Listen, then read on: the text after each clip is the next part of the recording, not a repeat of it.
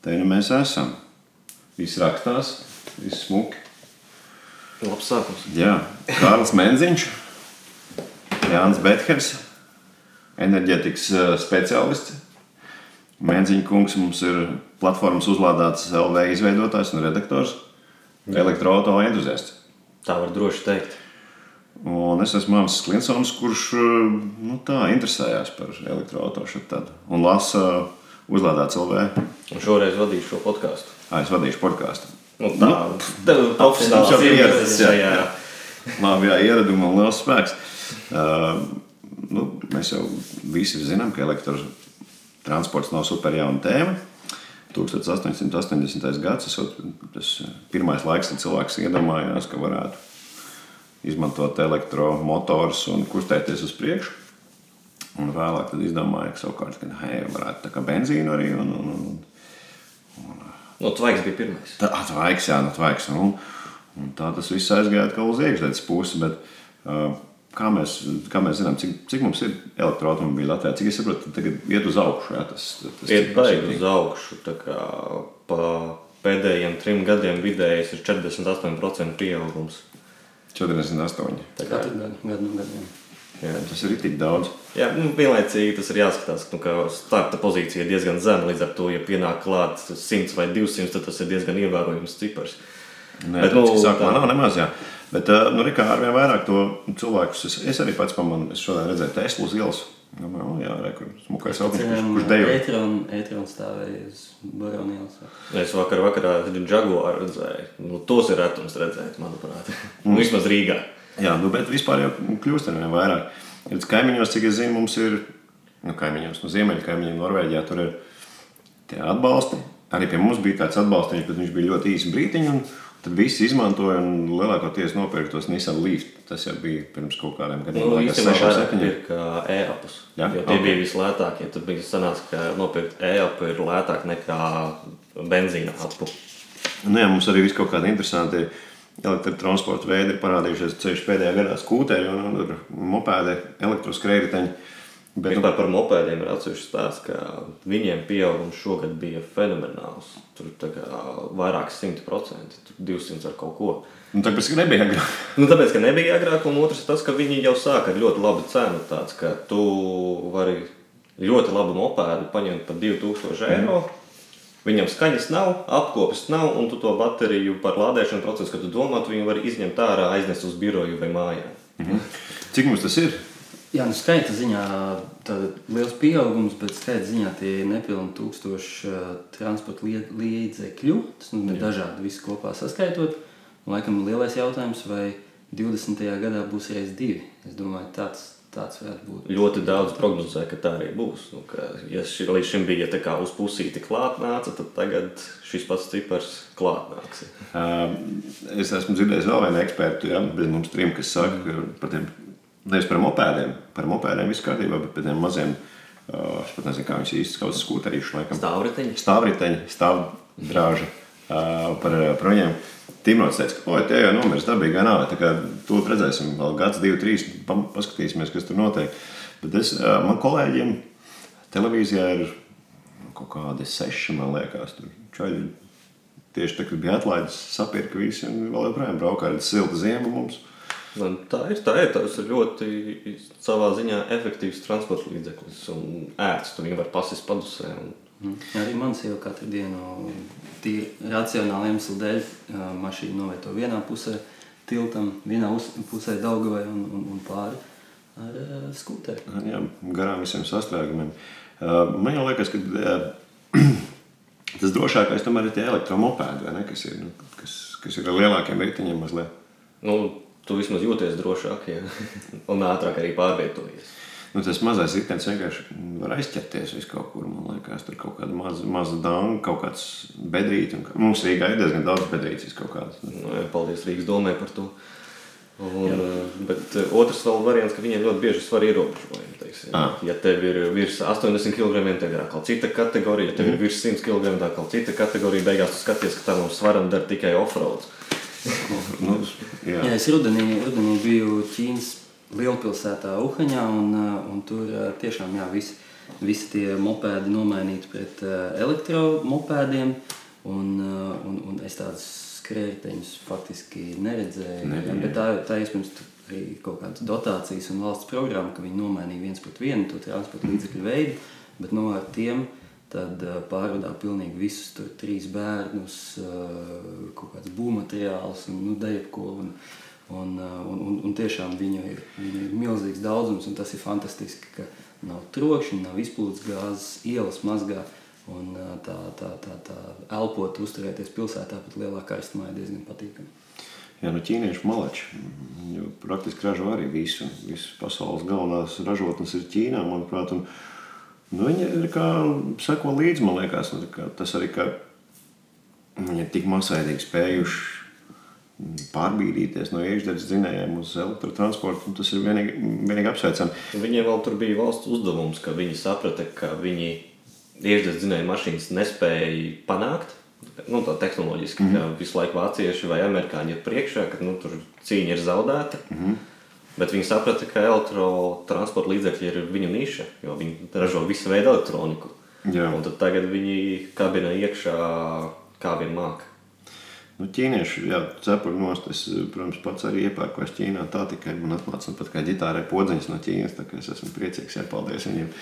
Bet, nu, ja mēs par transportu sākām runāt, jā, ir tie vieni tie skrējēji, ir um, mopēdi, kas man liekas drošāk ir arī motocikli, bet nu, tā ir vispār cita tēma. Es zinu, ka uh, ritīgie hardcoreisti, kas, uh, kuriem patīk uh, nu, iekšzemes dzinēji, un tā pārsvarā ir motociklistiem, tad viņiem tā un tā, viņiem nepatīk tas dizains, kam vēl netiek līdzi. Nu, Es gan- Harlijs Davidsons. Es gan skatījos, man liekas, diezgan dūli. Te daudz tie elektromotocikli. Nav tā, ka man nepatiktu. Nē, nu, kas kuram, protams, pēdējā brīdī, kad tev iedos viens pret viens, un beigās pateiks, zini, man nepatīk skaņa, jo nav tas tak, tak, tak, tak, tak, tak, tak, tak. Tas, jā, tas man liekas, varētu būt tas, kas tajā reliģijā ir tik nu, tā spēcīgi. ka Viņam jābūt skaļam arī transporta līdzeklim, lai viss rajons tev pamana. Bet to arī īstenībā Hārlijs Davidsons pateica, ka viņu auditorija dabīgā ceļā nomirst. Mm. Nu, ka vienkārši jaunā paudze nesēž uz Hārlijiem. Nu, man nav nekādas statistikas, es nevaru neapstiprināt. To, to viņi pateica, un tāpēc jau viņi arī pārgāja. Viņiem tas jaunais elektriskais nav nemaz čoperveidīgs. Viņš ir nu, pēc vizuāli izskatās pēc tipiska motocikla. Mm. Nu, labi, pēkšņi garo ceļu motociklu, bet nu, jā. Aha. Es te, tev ir bijusi kāda pieredze uz motocikliem? Mizās Es pat neesmu sēdējis uz motocikla, es tikai uz mopēdiem esmu sēdējis. Tev? Nē, nē, es ar četriem riteņiem pārsvarā. Es ar to elektrisko riču esmu izlaidis. Tas gan ir tā īpatnē. Viņš nav, nav nemaz tik smags. Vienkārši nu, mazliet smagāks, tāpēc ka tā baterija jau kaut ko dara. Un tu sēdi uz riteņa un tā kā minies, pagriez no tur to. Es nezinu, gāzi nevar teikt potenciāli. Bet, Jaudas. Jaudas zizli. es nezinu, kā viņu sauc. No, no, no, no, viņš pats tā ir tik gātri. Tā kā raujas priekš, tas, tas man tīri labi patika. Jā, jo man nu, no tās drošības viedokļa liekas, ka tie ir tā mazliet. Nu, redzēs, kā tur būs ar likumdošanu, jo tas arī vēl pagaidām klibo, vai ne? Nu, vienmēr jau ir tā, ka ir jaunās tehnoloģijas, un tad sako likumi, kas aizliedz šīs tehnoloģijas. Nē, nu, es domāju, ne jau aizliedz. Tur ir drīzāk vai prasīt tas kaut kā vai- regulēt. Es, Nu, jā, tur, protams, tas vienmēr ir. Tur izdomāts kāds teleportācija, bet šobrīd nav likumdošanas priekš teleportācijas. Kaut gan redz, kā ir arī divritenisti. Es redzu tik daudz divritenistu, kas brauc pāri sarkanai gaismai. Tā tikai vienkārši pilnīgi bez Tur, aizturas. tur uz abām pusēm vajag korekcijas. Jā, kaut gan pastāstīs, ka jau divritenis tika izgudrots. Nē, nē, bet nu, es arī saprotu to, ka nevar visu, visu noķert un paspēt aprakstīt, eh, sakārtot likumdošanā. Un, piemēram, par segvijiem mēs tā, kādreiz arī domājām, ka tas būs mm. kaut kas revolucionārs, bet, eh, bet īpaši daudz mēs, mēs viņus neredzam ielās. Segvēja vispār pazuduši. Ne? Nu, turistiem ir. Nu, tā kā Baigi maz. Tā ir Tas ir šausmīgi, šausmīgi niša, jā, bet, jā. eh, bet tad, kad viņi parādījās, tad bija prognozes, ka tagad mēs visi tā sāksim stāvēt un, un slinkot. Un, nu, tā, labi, ka netērēja saimnu laiku un neizskatīja, teiksim, tur segvēju kaut kādas regulācijas. Bet tā kā, ja viņi būtu izskatījuši, tad varbūt tagad uz skrējējiņiem būtu viegli piemērot. Tomēr, mm. tomēr zin, kā, tik daudziem uz segvēja nebija, kā tagad to skrējēju. Tas segvējs, man liekas, bija stipri nu, vairāk. Viņš, man liekas, uz pusi vairāk maksāja, vismaz ap, ap kaut kādiem tūkstošiem. Mm. Un šitiem maksā kaut kā 300, 500 jau tajā Jā, jā. intervālā. Tā Kā, nu, ja man būtu, teiksim, katru dienu jābrauc kaut kāds gabals. Varbūt es arī padomāju, vienkārši ar kājām eju vairāk. Man rīčuks lejā stāv, ja es kaut kur kavēju, es apstos rīčuks. Tad, jā, nu vai nu arī mašīnu tā es ce- cenšos centrā nelietot. Nu, ja man ir jābrauc kaut kur, kaut kas jāved, es nezinu, tur labi, ok, tur kaut kādas uh, ģitāras vai kaut kādas tur tumbas vai, vai bērns vai bērni vai, es- vai teiksim, virtuves iekārta, nu tad es saprotu, jā, nu tad jā, bet Ko grūtāk mugursomā ielikt? tieši tā, ka pagrūtāk sanāk, tad mizo ar to. Bet tā, jā, es, uh, Tad es... to mašīnu īstenībā nemaz nevajag izklausās. manai sievai vajag vairāk mašīnu nekā man. Mums bija divas visu laiku, mēs no vienas veiksmīgi šķīrāmies, jo, bet nu, tas arī bija apstākļu sakritības dēļ, vienkārši bija tā, ka es strādāju no rītiem vai agri un, un vajadzēja jaunāko meitu arī aizvest uz bērnu dārzu un atpakaļ. Un es netiku fiziski pakaļ. Mēs sapratām, "Mm, jā, ir vajadzīga mašīna. Bet tagad es uh, esmu pārvietojies tuvāk visiem saviem darbiem, bet kā strateģiskāk sakārtojis to savu atrašanās vietu, kas man liekas arī tāda, tā ir tāda tendence, mm, kuru man šķiet, ka vajadzētu um, katram padomāt par to, varbūt, ka nevajag tev, zin kā, māju mm, Siguldā celt un pēc tam, teiksim, strādāt Rīgas centrā. Un, tas varētu, nē, protams, ja jau Vai nebūtu patīk. Kad tu tik un tā jābrauc cauri Rīgai. Nu, jā, bet nu, no otras puses, nu, katram, katram savs dzīves gājums un dzīves stāsts. Man vienkārši ir paveicies. Varbūt, labi, pie tā liekam punktu. Jā. jā, tad, jā. Kāda ir galvenā stereotipa, kas attur cilvēkus no elektroautorāta iegādes? Vai arī var tieši otrādi liek tos iekārot? Pirmais jau vienmēr ir tā iegādes cena, ka tu aizej uz salonu, pasties, ka elektriskais maksā vismaz divreiz dārgāk, es par to, par to pat nedomāšu. Kāda jēga? Bet tas taču nav mīts, un tā ir aptuveni divreiz dārgāk. sanāk. Tā ir, jā, nu, šobrīd. Šobrīd noteikti. Uh, atkal skatoties lietoto auto tirgu, nu, tā, tas tā varbūt var, var jau vairs nelikties. Mhm, Jā, jo tu nemaz eh, neesi no tā iespaidojies, un tev ir elektroautobīls. Jā, pie tam es nopirku lietotu, un tam, tam jau bija pieci gadi. Mm. Vienkārši nenobijos. Es, protams, pirms tam izpētīju visu, ko es vien varēju internetā atrast par šo mašīnu, kuras pērku. Līdz ar to man nebija nekāda pārsteiguma momenta. Mm -hmm. Vienīgi tik, cik es nekad iepriekš nebiju braucis ar elektrisko mašīnu, tagad jau es taisos viņu pirkt, vienkārši jau braucu uz tukumu. Mm -hmm. un, un tur izbraucu un vienkārši pārbaudīt, vai tā mašīna kustās, un visu uz vēl. Pagaidu, tu nepārbaudīji, vai, tā, vai viņai tas baterijas strādā, un tur viss tas pārējais lietas. To vispār var pārbaudīt kaut kur pie mums. To visu var pārbaudīt, jā, tur uh, pie dealeriem var ļoti vienkārši. Jo viņiem pārsvarā ir tie OBD lasītāji, kādus mēs arī CSDD esam redzējuši, ka viņi pieslēdz tur datoru klāt. Un tur ir visa tekošā informācija mm. par to, cik ir procenti, cik reizes ir uzlādēts, ar kādu jaudu ir lādēts, cik reizes ir ātrie, cik ātri ir Pilnīgi Tur tiek uzskaitīts. Redziet, man pašai teiksim, atturēt tas, ka, hei, es nezinu, kā viņu pārbaudīt. Es vispār no tehnikas maz ko sajēdzu. Domāju, hmm, man būtu baigi viegli apčakarēt. Nu, tā. Zinu, šitā, es pat nezinu, es zinu, ka tiem fiziskajiem automobīļiem, teiksim, to sodometrus tā tikai tīna atpakaļ. Un, un, tur šmaukties nevar kaut kā arī. Jā, Visu, ko var šmaukties, tu vari arī, teiksim, viens tipiskais veids, kā vecos auto apšmauca, bija tas, ka tu pēdējos kaut kādus 10 km vienkārši pabrauci ļoti lēnām, nu tā kā 10, 15 km/h, Aha. un tad tu viņu uzlādē atkal līdz pilnam, un tad viņš pasaka, ka, ja tipiski tu vari tur nobraukt, teiksim, 100 km, tad viņš tagad tev pasaka 150. Jo tev pēdējie tie 10 km ir bijuši super lēni, super maz enerģijas patērēts, un viņš pēc tā rēķina. ka- À, tad arī, arī šajā tirgu zinu, kā sāksies kaut kāds rumbulis motīvs ieskanēsies. Nē, nu, bet benzīna degvielas mašīnā jau būtu tas pats. Nē, nē, nu, tur jau- Ekonomiski brauc iekāp un tev parāda, ka pēdējā bāka tur nezinu, tur septiņi. Jā, jā, ir septiņi, tāda lieta. Nu, tur vienkārši tipiska mašīna, tu paskaties internetā, cik ir reālais nobraukums. Un, ja tev rāda vairāk, tad tu skaidri, jau vari skaidri zināt. Bet labi, viens ir skaidrs, tā tad var pārbaudīt. Ir tāda iespēja, kas um, īstenībā man ir jaunums. jo Es domāju, hm, tas bija varbūt viens no tiem galvenajiem motīviem, kāpēc es elektroautorātu uz tajā lietotajā segmentā. Es domāju, vispār nē, nē, tur labāk neskatīties, jo noteikti, ka nu, man tur būs kaut kādas ziepes. Okay. Jā, un vēl ir viena tāda niša, ka tieši Nissan Leafiem un NV var pieslēgt uh, to bezvadu donglu, ko tu iesprāst arī pašā līgzdiņā, kur piesprāžas ar datoru. Un tad tev uz telefona ar aplikāciju parāda visus datus. Nu, tā kā iet uz priekšu. Nu, Tas, tas puķītis pats viņš maksā tur, nezinu, sākot no 5 eiro. Es ne, nezinu, vai tur vajag kaut kādu konkrētu vai nevajag, bet nu, tur viņš tiešām lēns. Nē, labi, gan jau, ka ir, cik es saprotu, tad ir arī servisi vai telefona un, un, un e-pasta adreses, uz kurām var uzras- uzrakstīt un, un uzzināt. Es domāju, ka šobrīd Latvijā ir unikāla iespēja, ka ir tā grupa ar elektroautorātu lietotājiem, kas patiesībā ir diezgan aktīvi un atvērti palīdzēt. Ja, kā tas ir Jā, nu, brīnišķīgs ā, piemērs tam, un, ā, un tāpēc tiem, kam ir tās intereses, es domāju, viņi noteikti var, var internetā atrast kontaktus, kur pat Latvijā jau cilvēks, kas tam izgājuši cauri. Un, Un lietotās mašīnas iegādājušies, kā viņi to darīja. un Tāpēc es domāju, ka tur vajag mazliet parakties, nekautrēties, bet tās atbildes var atrast. Jā, Kārlis ir atbilde. Jā, Kādas ir daļa no atbildes, un vēl var atrast. Es, nu, vienkārši var kaut kur ie- iesist, lai iedod linku, vai kā ir WhatsApp grupa. Tur nu, jau pārpas simts cilvēkiem ir sen. Un uh, Discord grupa, kas kuram ērtāks, uh, patīkamāks, tad var atrast.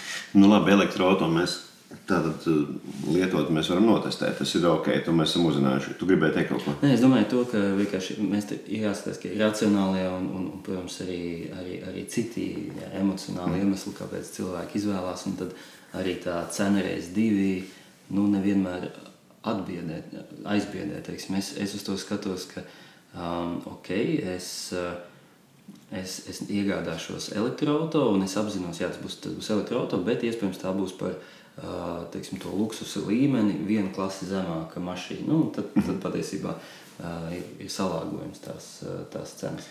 Nu, man atver tas, teiksim, no jaunas elektroautorāta iegādes, tas, ka nu, tiešām ir tā vidēji, ka sanāk divreiz dārgāks nekā parastais. Tā. Nu, man ir auto tagad, kuras reti lietoju, man nav tāds. Uh, mm, Salīdzināšanas. Nē, man nav tādas vēlmes baigi tagad ņemt un, un iet uz, uz, uz salonu un skatīties vispār jaunu auto. Man auto ir labā kārtībā. Un, manām vajadzībām un, un ģimenes vajadzībām pietiek pašlaik. un Es kaut kā mazliet gaidu, jo es esmu dzirdējis tādus, ka Putniņš ir pačukstējis, ka varētu tās cenas arī kristies tiem elektroautorātiem tuvākajos piecos gados. Un tas noteikti būs. Var jau arī paskatīties, teiksim, kā ir bijis iepriekšējos gados. Teiksim, tas pats Nissan Leaf, kas līdz šim bija populārākais elektroautorāts, ka viņš sāka, viņš piedāvāja 120 km ar vienu uzlādi. Viņš maksāja aptuveni, nu, tur, kā kurā valstī, bet aptuveni 35 līdz 40 tūkstoši eiro. Viņš joprojām maksā 35 līdz 40 tūkstoši eiro, bet viņš piedāvā jau 300 un vairāk mm. km ar vienu uzlādi. Un tagad, kad jau ir sasniegts šis komforta līmenis, ka nu, tev tie 300 km jau īstenībā ir nu, ok. Tas ir tas nav nekas tur Uber, duper, bet nu, apmierinās 95% cilvēku. Nu, hei, tu līdz liepai var aizbraukt. Nu, jau un vēl atpakaļ dabūt. Tur būtu. Lai saldo būtu jāaptur. Tas ir starp citu arī viens no tādiem, kas man liekas, ir tas tā bailīte klāt, kad nu, tur aizbrauks, piemēram, uz Liepāju, uz, uz Fonteinu, piemēram, tur un, Un paliks. jā, un tad akā atpakaļ. Un, kā ar to uzlādējumību ir vispār Latvijā? Nu, ne tikai Latvijā, jo, ja tādus garos gabalus tu izvēlēsies, no ok, 300 km var līdz nobraukt, mm, līdz Lietuvai tiekam un tur. Es, es apstīšos, vai mums tur rakstās.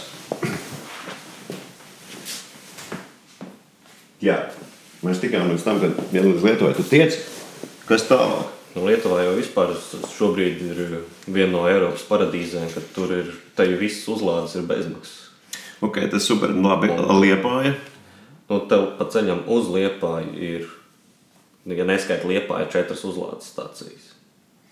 Bet pie viņiem ir jāgaida arī. Ne? Tas, tas nav tā. Tad, nu, Nu. nu. Jums ir nācies saskarties ar to, ka tu brauc. Un... Vat Ārpus Rīgas nav gadījums. Mm. Nu, man ir bijis tā, ka es piebraucu, es beidzu, aiz manis atbraucu uzreiz, bet tā, ka es piebraucu un man ir jāgaida uz kādu. Mm. Nu, nē.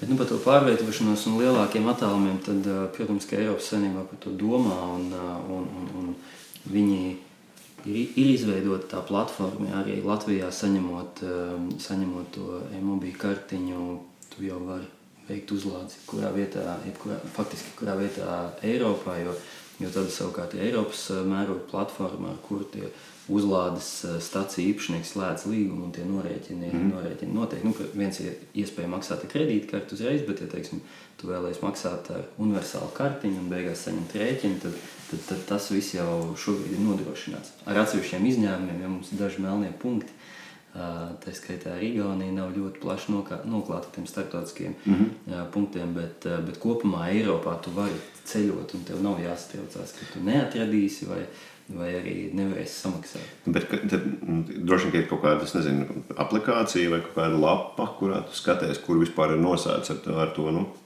ar Nu, to tīklu. citu, tā ir pašā Google Maps. Jau tu Ir, jā, ir meklēt. Google mapā. Jā, nu, tas ir cilvēkam visdrīzāk jau ir kabatā šis Google Maps. Nu, tad tur var meklēt. Ā, labi, tas ir mierinoši. Ir speciāls arī mājaslaps un aplikācijas tam domāts. Viens ir uh, Plug Surfing, un otrs ir Charge Map. Un ir vēl trešais, un ceturtais un piektais, bet nu, tie ir tie divi populārākie. Mm -hmm. Ne, es par šo te iesaku, tāpēc, ka mēs ar sievu, protams, arī esam runājuši par elektroautomobīļiem. Un tas bija viens no tādiem argumentiem, ka, ja mēs gribēsim aizbraukt atkal, piemēram, nezinu, uz Itāliju vai kaut kur, nu, tepat kaimiņos, Igaunija, piemēram, jā, vai, vai, vai Lietuva. Mm, bet, nu, labi, tas, ā, tas man priecē, ka šī lieta arī iet uz priekšu, kad ir atrodams kartē, un, ja nu gadījumā baigi vajag, tad nu, tur tiešām braucot, pat var izplānot droši vien maršrutu, kurā vietā tu stāvēsi. Un jā, varbūt jautājums tev. Viens ir tas, ko man cilvēki bieži uzdod, ir, bet es neizstīšu korķus. Tā kā visā rajonā. ar Jā, savu- jā, kā šito ir. Tev taču, tu taču lādē droši vien. Un tad, kad visi pīķi stundā pieslēgsies pie šīm ātrajām uzlāstācijām, mums tur tīklus visus nok nokārsies. Jā, nu, privātu māju īpašnieki ir mazliet privileģētā stāvoklī, jo viņiem ir ērtāk un arī lētāk eh, lādēt, eh, lādēt elektroautorātu pa naktī savā mājās. Eh, Protams, tas ir atkarīgs no tā, kāds tev ir pieslēguma veids, bet nu, es, es 16 ampēru, 3 fāzu pieslēgums un uh, tur nekādu, nekādu problēmu ar to nav. Protams, jautājums, jā, cik, eh, cik jaudīgu tu to savu uzlādes pasākumu esi, esi, esi plānojis, bet, eh, bet, eh, bet ar jebkuru parasto uzlādi, kas mašīnai brauc līdzi, es, es tur neredzu nekādu problēmu no viena lietotāja perspektīvas. Tas, kas varētu būt ilgtermiņā problēma, ir tad, ja teiksim, um, kādos dzīvo, dzīvo, ja dzīvojamos rajonos, ja, ja teiksim, pusē no, ja puses no mašīnām būs elektroautorāta, un tagad vakarā visi atbrauc mājās. Un, uh, viens ir, kur, kur viņiem būs tās uzlādes vietas, un otrs ir, ja būs tās uzlādes vietas, tad, uh, tad jau sadalījuma tīklam būs globāla problēma, kā nodrošināt uh, pieslēgumu uh, jaudu uh, konkrētajam mikrorajonam. Un, uh, un šo risinājumu tad ir jādomā, kā, kā, jā, kā to atrisināt. Tieši, tieši tajās vietās, kur ir ļoti blīvi apdzīvotas, eh, apdzīvotas teritorijas, tā kā, tā, kā, tā, tā kā tiek sadalīts uh, privātu mājās tās jaudas, tad uh, tās jaudas jau katrai privātu mājai salīdzinoši lielas, un, un uh, tur uzlāde nebūs problēmas. Nu, Un tad nebūs šie brownouts situācijas, kas būtībā nav tā kā blackouts, ka izsit visiem korķus, bet vienkārši tīkls ir nestabils un tas ir austās. Um, jā, tas, tas, tas, tas, tas es nebūšu tehniski sadalījuma tīkla, sadalījuma tīkla eksperts tik, tik detalizēti. Nē, jo man vienā brīdī cilvēki sāka, nu man ir arī savi heiteri, un viņiem viens tas no argumentiem ir, ka Gan noteikti, teiksim, ir tāds lielais festivāls, nu, tur pozitīvs vai Baltika Beach. Nē, tas nav Baltika Beach, bet nu, mm. nu, tie tur aizbrauc, teiksim, simts vai tūkstoši elektroautorātu, un visi pēc tam gribēs atpakaļ ceļā lādēties. Tur Nē, nē, nē. 50 kW stacijas viena pēc otras tiks vienkārši visu laiku prasītas. bet, ja sadalījuma tīkls būs izveidojis atbilstoši jaudas pieslēgumu, um, tad, uh, tad tas tīkls to varēs nodrošināt. Uh, Jautājums ir, kā, uh, nu jā, kā, kā tas tiek plānots. Kas būs sliktākajā gadījumā, būs tas, ka tās elitātes, tās, tās stācijas nestrādās, ja nebūs pietiek- pietiekoši jaudas pieslēgums pie tīkla. Un, viņi, un, un būs pieprasījums tajā brīdī neadekvāts. Nu, tāpat būs jāgaida, iedomājieties, ja tur ir, nu, kā, nu, cik varbūt uzlādes saules grīvā. Cik ir? Nu, jā, nu nebūs racionāli. Nē, jautājums par to, ka būs jau nākotnē būs iespējams pārvietojamās uzlādes. Oho. Un, tad, tu, tad teiksim, tu varēsi, nezinu, teiksim, kaut kādu autostāvvietas, kaut fragmentu pārvietot un autostāvvieta. Nu jā, tā teiksim, kaut kāda auto novietne pa nakti, un viņai jau būs kaut kāds tā uzlādes mm. opcija. Tev vajadzēs tikai pies, piesprāst. Nu, Nu, Tesla jau uz pateicības dienu šitā izdarīja, ka viņi redzēja, ka Los- Losandželosā, Lasvegasā, nu kaut kur tur tādā krastā Uh, redzēja, ka ir super liels pie, pieplūdums ar elektriskajām mašīnām, un viņi pieveda klāt vēl četrus staļus, kur uzlādēties. Malači, vai viņi atvedīs līdz saules-grīvai, tas, protams, jautājums, bet nu, tā Tas ir tikai risinājuma lieta. Tas ir organizatoriem jautājums. eh, Ģenerators jau ģenerators taču uz ja Pasākumiem, tīkla jauda neno- nav, nav pieejama, tad, eh, tad organizators atved eh, ģeneratoru. Jā. Vai arī nākotnē, es domāju, tas, tas jau tagad Eiropā festivālos tagad ir moderni, ka atved eh, milzīgu bateriju, teiksim, kas ir uzlādēta zaļo elektrību, lai nebūtu jātērē dīzeļdegviela ģeneratorā, tad tu ieliec konteinerī bateriju un aizved uz festivālu bateriju. To es nebiju dzirdējis. Barojas no tās baterijas. Nu, līdzīgi tad arī to elektroautorātu. Es Jā, un tad arī viņš nav jānovieto kaut kur tālu, tālu krūmos, lai neviens nedzird to pu, pu, pu, pu, pu, pu. Jā, jā, jā, tieši tā. Nē, nu, es atceros, tepat Rīgā, kā Met- Metallica spēlēt. Viņ- Viņiem bija divi ģeneratori līdzi. Nu, tā kritīgi. Tur kurinājumi, man liekas, tā, ka, nu, uz nebēdu, bet neko nevarēja dzirdēt. Jā, jā, Viņi paši pietiekami skaļi jāģēk. jā, jā. Okay. Tātad notestēt mēs varam. Tas ir, tas ir um, zināmā mērā tāds atvieglojums, ka beidzot nu, arī tas lietotājs tirgus līdz ar to varētu sakustēties. Vairāk cilvēku arī iegādāties lietotas elektroautorātu un nebaidīties tā kā es no tā, ka nu, tur jau viss viņš uz galiem, uz nomirienu iet. Uh, Kā mums ir ar, atbalstu? Es domāju, nu nevis uh, tikai ar tām uzlādes vietām, bet uh, ar valsts atbalstu. Jo es esmu dzirdējis, ka tiem Norvēģiem, piemēram, tur, es, nu, es nezinu, cik, cik lielā mērā tas valsts atbalsts tam visam. Nu, Norvēģiem īstenībā tas atbalsts ir salīdzinoši īpatnējs, ka tas nav tāds, ka reku tev 5000 par to, ka tu nopērci elektroautorātu. Viņiem drīzāk ir tāds, zini, mēs no tevis neiekasēsim PVN, ja tu pirksi elektroautorātu. Bet, ja tu izvēlēsies iešdedzinēju, tavs PVN būs 100%. Jā, nu tas viss der, tas viss der, bet pie mums ir kaut kas vispār. Tu nu pat kā pirki elektroautorātu. Jā, nē, nē, tāda finansiāla tieša atbalsta pirk, pirkšanas brīdī, nu, reģistrācija un, un, un, un, un ceļu nodevs, stāvvietu izmantošana, braukšana pa autobusu joslām. Tāda veida, tāda veida atbalsta mehānisms, protams, to, to ne, tas nav nosaukts zem nosaukuma atbalsts elektroautorātam, bet no 1. janvāra stājās spēkā jauni sadalījuma tīkla tarifi. Un, eh, un tur bija garas diskusijas, un beig, beigās tika rasts ļoti draudzīgs risinājums eh, tam, kā tiek dalīts trīs fāzu pieslēgums naktas dienas zonās, kur ļoti lētas naktas cenas sadalījuma tīkla izmantošanai naktī, kad elektroautorātu var uzlādēt.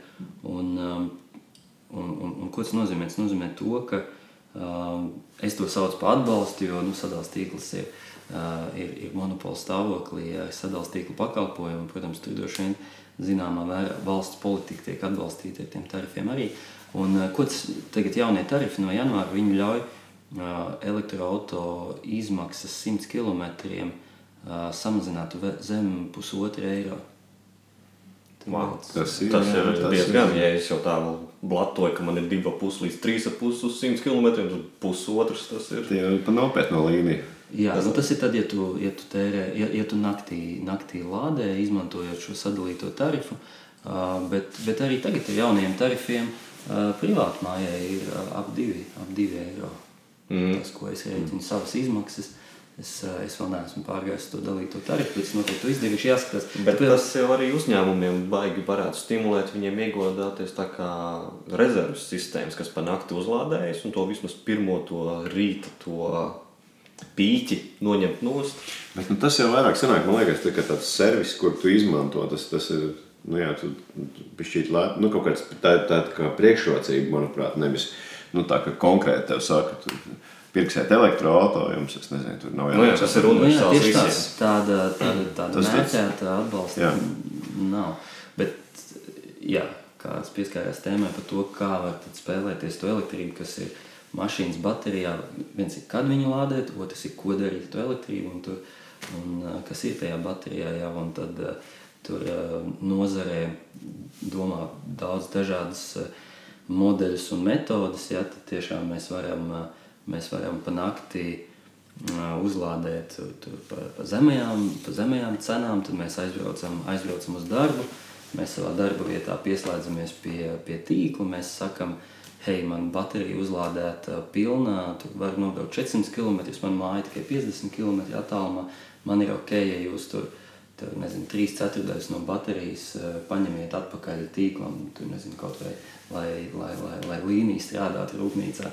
Un, uh, ja, ja, ja ļoti augstas cenas bijušas, uh, bijušas uh, pa dienu, tad, uh, tad tas atmaksājās. Nu, mēs, protams, nemanām, ka tagad elektroautorāta no tā atpelnīsies, bet, uh, bet tev ir aktīvs, kas spēj pievienot vēl jaunu vērtību, palīdzot palīdzot ar savam darbam. Bet tas ir diezgan sarežģīti. Tomēr pagaidām man liekas, ka tā, nu labi, tu strādā tādā, tu tādā nozarē, kas ir tieši saistīta. Tu esi enerģētikas eksperts, bet, teiksim, nu, tāds čomiņš kā es, kur, nu, ko es aizbraukšu uz televīziju, teikšu, ej, čomi.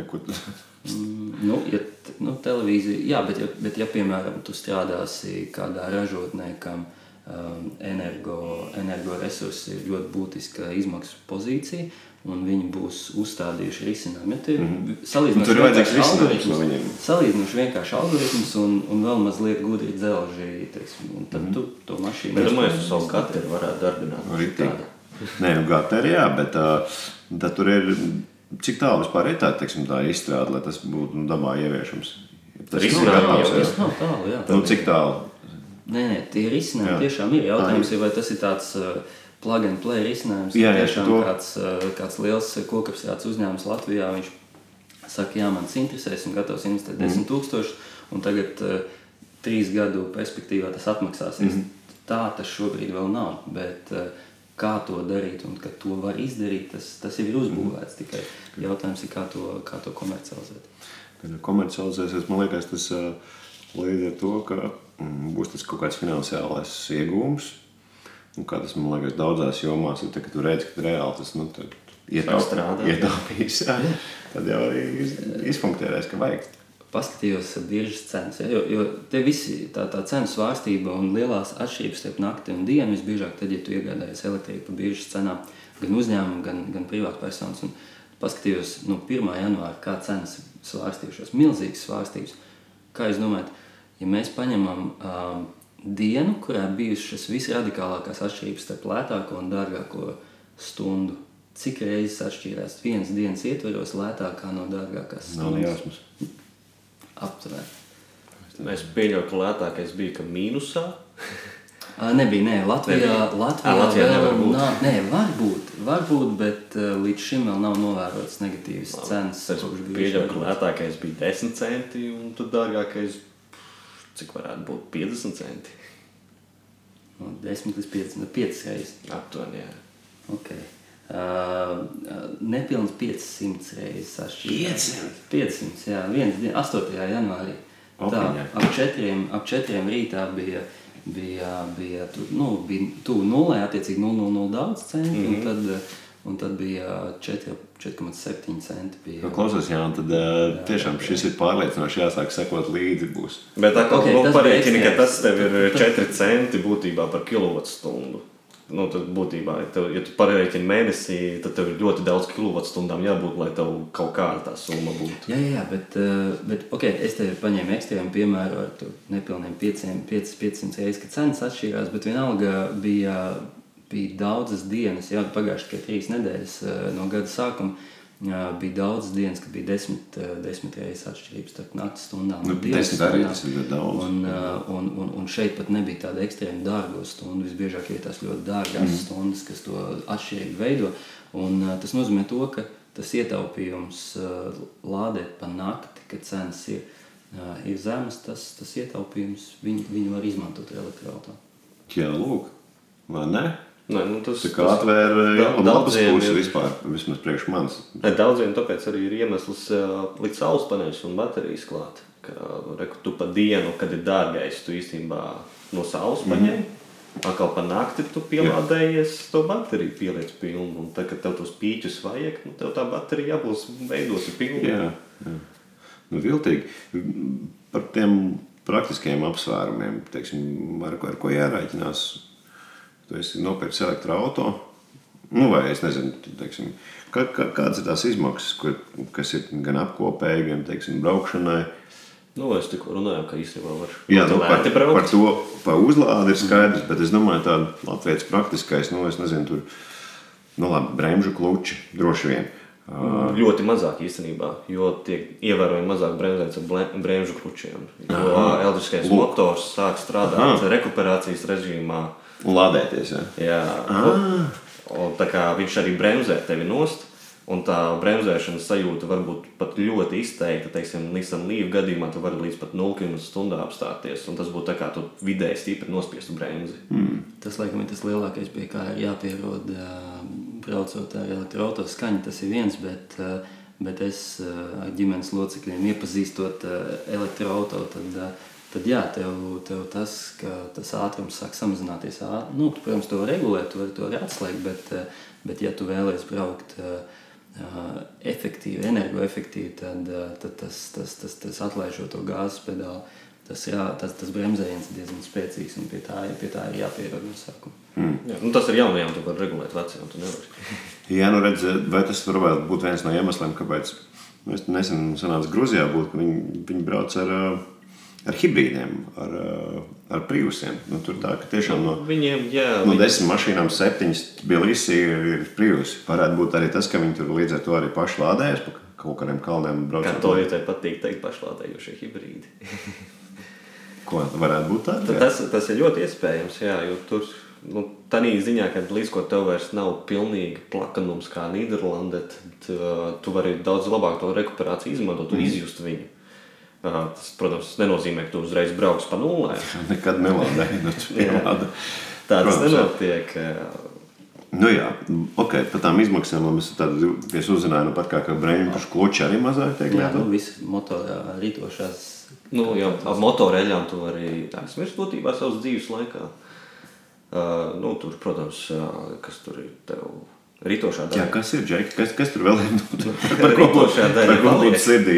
Uh, tur, teiksim, pa daudz brauks pa čaki ielu, nu, tur nekas Skaidrs. tās mašīnas, tur tā nepliks pāri. Tur vienalga tur elektroniski. ar tanku vienīgi tur Bet var vai, vai ka auto arī tur vienalga visam tas pats. Bet uh, var būt droši, ka tev nu, tā pati elektronika tev jau ir vairāk pārdomātāka. Mm -hmm. Teiksim, ir, es netīšām uzdūros vienam virsrakstam, ka Volkswagen atsauc savus multivanus. Dēļ tā, ka viņiem elektronika potenciāli var nosist cilvēku. Opiņā. Tas, Potenciāli. Tās uh, elektroniskās durvis, kas ir sānos, kas pašas varās vaļā, tur ir motoriņš iekšā, un viņi, viņi ne tādu tā kā, izolāciju ir pielikuši. Un lietainā laikā var nosist cilvēku. Aha, nu, lūk, lūk. Tas zin, kā no, kā no limuzīna Jāņakas krāsā. Bija viens tāds gadījums. Viņš brauca ar samasvalu un nosita cilvēku. Un cietumā neliek. Nu, tas labi, tas no latviešu uh, filmu bāzes, bet uh, par, uh, par braukšanu ziemā. Nu, tas vēl arī man liekas, es nezinu. Nu, Izstāstiet, uh, vīri, kā ar šo stereotipu. Vai, vai nav tā, ka tu ziemā tu nobrauc kaut kādus, nezinu, divreiz mazāk tos kilometrus, jo, jo taču jākurina arī, nu, Nu, jāsildās.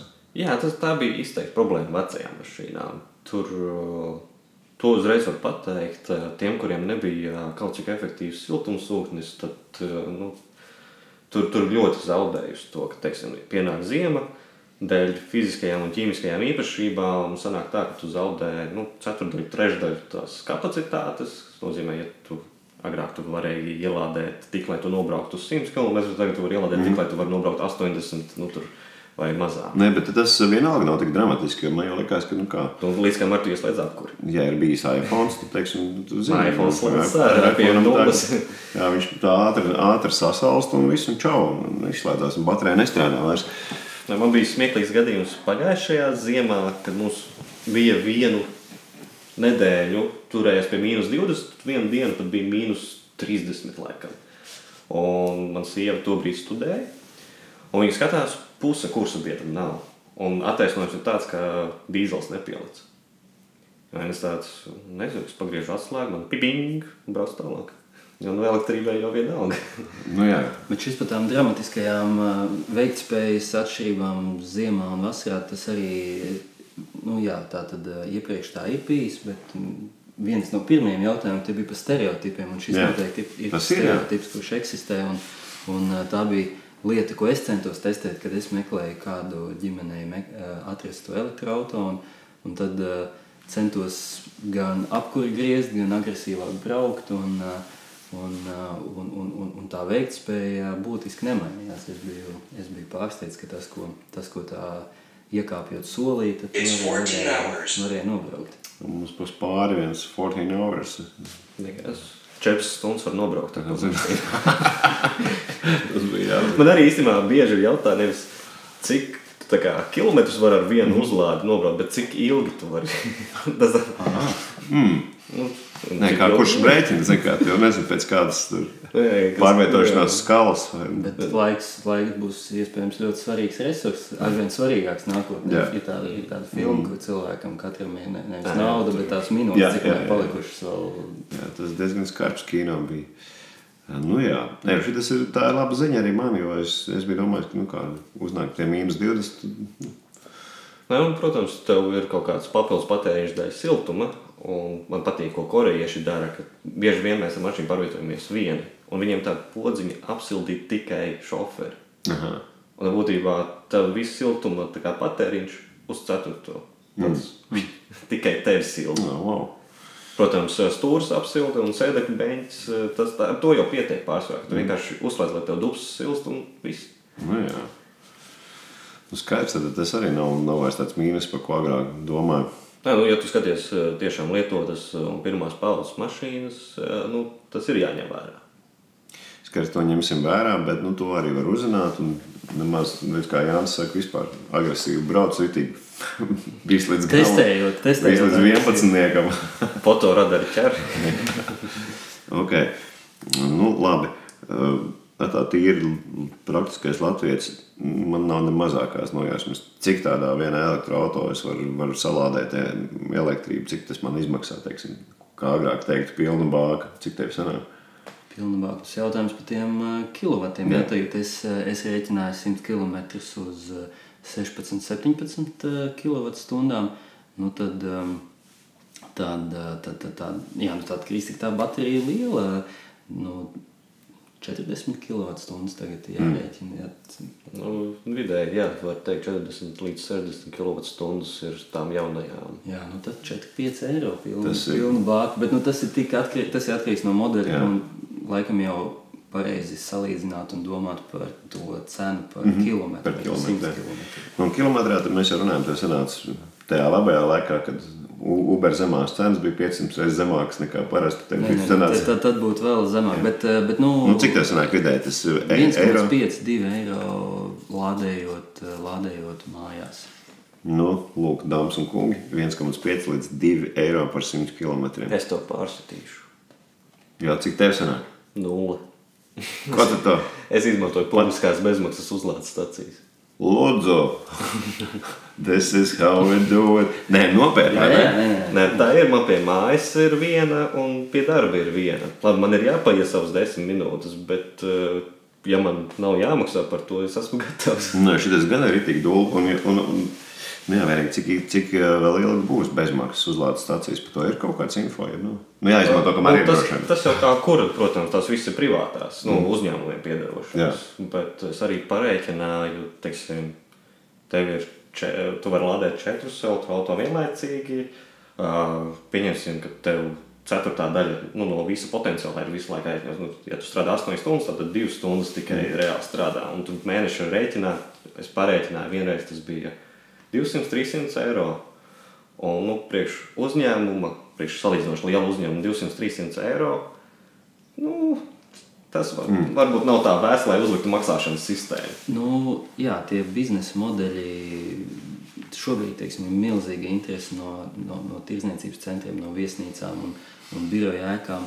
Jo, jo skaidrs, ka elektrouzlādes iespējas vajadzētu nodrošināt, bet vai tā ir, ja teiksim, kā, kā uz to jautājumu skatīties, vai, vai tā ir peļņas gūšanas eh, iespēja, vai arī tas jānodrošina par pašizmaksu, vai arī tā tiešām ir brīvi pieejama bezmaksas uzlāde, ja, jo, jo šobrīd teiksim, lielveikals vēlās, lai pie viņu brauktu uh, elektroautorāta īpašnieki, kam, uh, kam ilgtermiņā varētu būt ka lielāki ieņēmumi. Viņi ir priecīgi, hei, mēs varam braukt, man tur ir vieta pie pašām durvīm, man nav jāmaksā, es vēl arī Mhm. uzlādēju bez maksas. te Ar savu maku savukārt izklaidējos tajā lielveikalā. Un tieši tā, tu esi vēl motivēts pavadīt ilgāku laiku iekšā.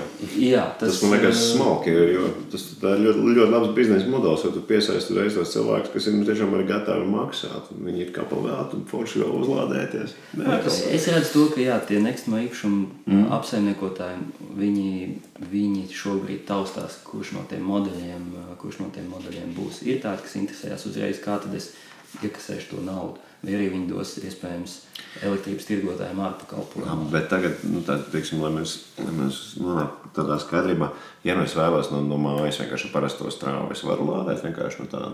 Jā, tu vari no mājasēmniecības rozetes lādēt. Nekas, nu, viss zolīti, vienkārši drusku lēnāks notiek. notiek. Okay. Tad tu vari rēķināties, ka tev nāk iekšā 20 km/h. Uh -huh. Tas nozīmē, ja tu esi 7 vakarā mājās un tu 8 no rīta izbrauc, tev ir 13 stundas, tas ir 260 km. Tas ļoti labs info, ļoti labs salīdzinājums. 20 km/h tu vari uz, uzlādēt. Nu, tu stundu lādē, un tu esi uzlādējis, lai tu varētu nobraukt 20 km. Nu Tā ir. Nu, vide, nu, aptuveni. Jā. Jā, un domājot par degvielas auto, automašīnu, tad parasti mēs braucam uz benzīna tanku tajā brīdī, kad tagad jau ir Jā. ieguvusies lampa. Mazliet tukšs. jārēķina, vai ne? Tas laiks savādāk. Jā, bet šeit jāņem vērā tas, ka, ja tu mājās lādē, tad tu jau nekad uh, visbiežāk neatbrauksi ar pilnīgi tukšu mm bateriju. Tu visu laiku būsi puspilns, un tad uh, droši vien arī pilns vai pa pusē pilns uh, izbrauks no rīta. Un, uh, un ja vien tu nebrauksi milzīgi gabalu, teiksim, uz Daugavpilu, tad tev, uh, es vismaz skatos, ka, ka uh, dzīvojot, uh, dzīvojot uh, mājā, tad, uh, tad uh, ērtāk man būtu, ka es tad par to uzlādu pa dienu nedomāju, ja vien es tiešām neceļoju mm -hmm. un, uh, un, un, un lādēju tikai pa nakti. Jā, nu, Jā, un vēl jaunās mašīnas nāk ar iekšējiem tiem pulksteņiem, ka tu vari pateikt, no cikiem līdz cikiem lādēt, un vai arī cik procentiem jābūt tikos. Tas tas salāgojums droši vien ar to sistēmu, ka tu, tu vari noķert to labāko cenu? Arī Jā, un es domāju, ka savukārt elektroenerģijas tirgotājiem arī būtu savas aplikācijas jānodrošina, ka mēs viņus varam saslēgt kopā, un tad jau algoritms izrēķina, teiksim, cik vajadzētu paņem, uzlādēt, kurā un, dod. jā, un kurās stundās. Mm -hmm. Nu, Klau, aprunāsimies par tagad tādu lietu. Nu, es Facebookā esmu redzējis, tur daudz kaut kādi ļaudis raksta, ka elektroautorāta ražošanas process esot vēl kaitīgāks dabai nekā iekšzemes ražošana. Un, tur, ja nemaldos, Mr. Blodons ir teicis tieši par, par šo tēmu vairākas ziņas ielicis. Nu, protams, ka tas it kā man neiespaido vispār, jo es neražoju nevienu, ne otru. Un es, es to atšķirību, nu kā, kā es varu šajā brīdī, šajā mirklī sajust to atšķirību. Nu, bet varbūt tas priekš manis izklausās filozofiski, bet nu, kā ir Džeki ar šo te? Tā ir. Tā ir vienkārši jāapzinās, ir, cik ļoti. Un, uh, es izreikināju, ka tā atšķirība man, Latvijam, Latvijā, salīdzinot ar manu elektroautorātu, kas man ir, kas ir Citroen C0, pret līdzīga tipa Citroen, kas būtu kaut kur pa vidu starp Citroen C2 un C3, mm -hmm. ka man vajag nobraukt 30,000 km, un tad jau es esmu pa nulēm. Ah, nu tajā tur piesārņojuma ziņā, vai kā. Es, es nezinu, kā to var rēķināt un cik ļoti tas ir svarīgi cilvēku biogrāfijā. Tur, tur ir tā atšķirība, ka to izreikинāt ir ļoti grūti, bet ir uzņēmumi, kas publicē savu informāciju, un no tā tu vari vadīties. Jā. Bet, bet es esmu to visu jau izdarījis. Ja kāds grib paskatīties migrīgi. Ah, nu, var skatīties tavā Jā, es tur arī aprēķināju, cik nu, būtībā Latvijā pie, mm pieejamā mašīnā, cik tur ir tie pretestības. Un man ir jāsaprot, ka galvenais piesārņotājs īstenībā ir nevis tur rakšana vai kas, bet tas, ka elektrības patēriņš ir ļoti liels ražojot baterijas. Aha. Jo man liekas, nu kā nu vienalga, tu brauc ar to automobili un nelai viņā iekšā fosīlo degvielu. Ne fosīlo, nē, es nezinu, par kā viņš tagad nosaukumā ir. jā. neatjaunojamo. Neatjaunojamo. Neatjaunojamo vienīgo benzīnu saliekšā, viņš sadeg vienreiz un viss. Varbūt tas, nu, tas, tas, man liekas, ir nu, simt punktu Bet kaitīgāk. tas ne? arī nav viss. Viņam tam benzīnam bija kaut kur jārodas, Jā, jā, viņš bija jā, kaut kur jādabū, protams. jādastilē. Es par to vispār nesāku. Es žēl, ka spirtu nevar laist, jo spirts, spirts būtu atjaunojamais energoresurss. Var. Jā. Nu, Var, nu, ne, ne dzeramo, bet eh, metilspirts. jā. var mizot, jā. No kartupeļiem. Jā.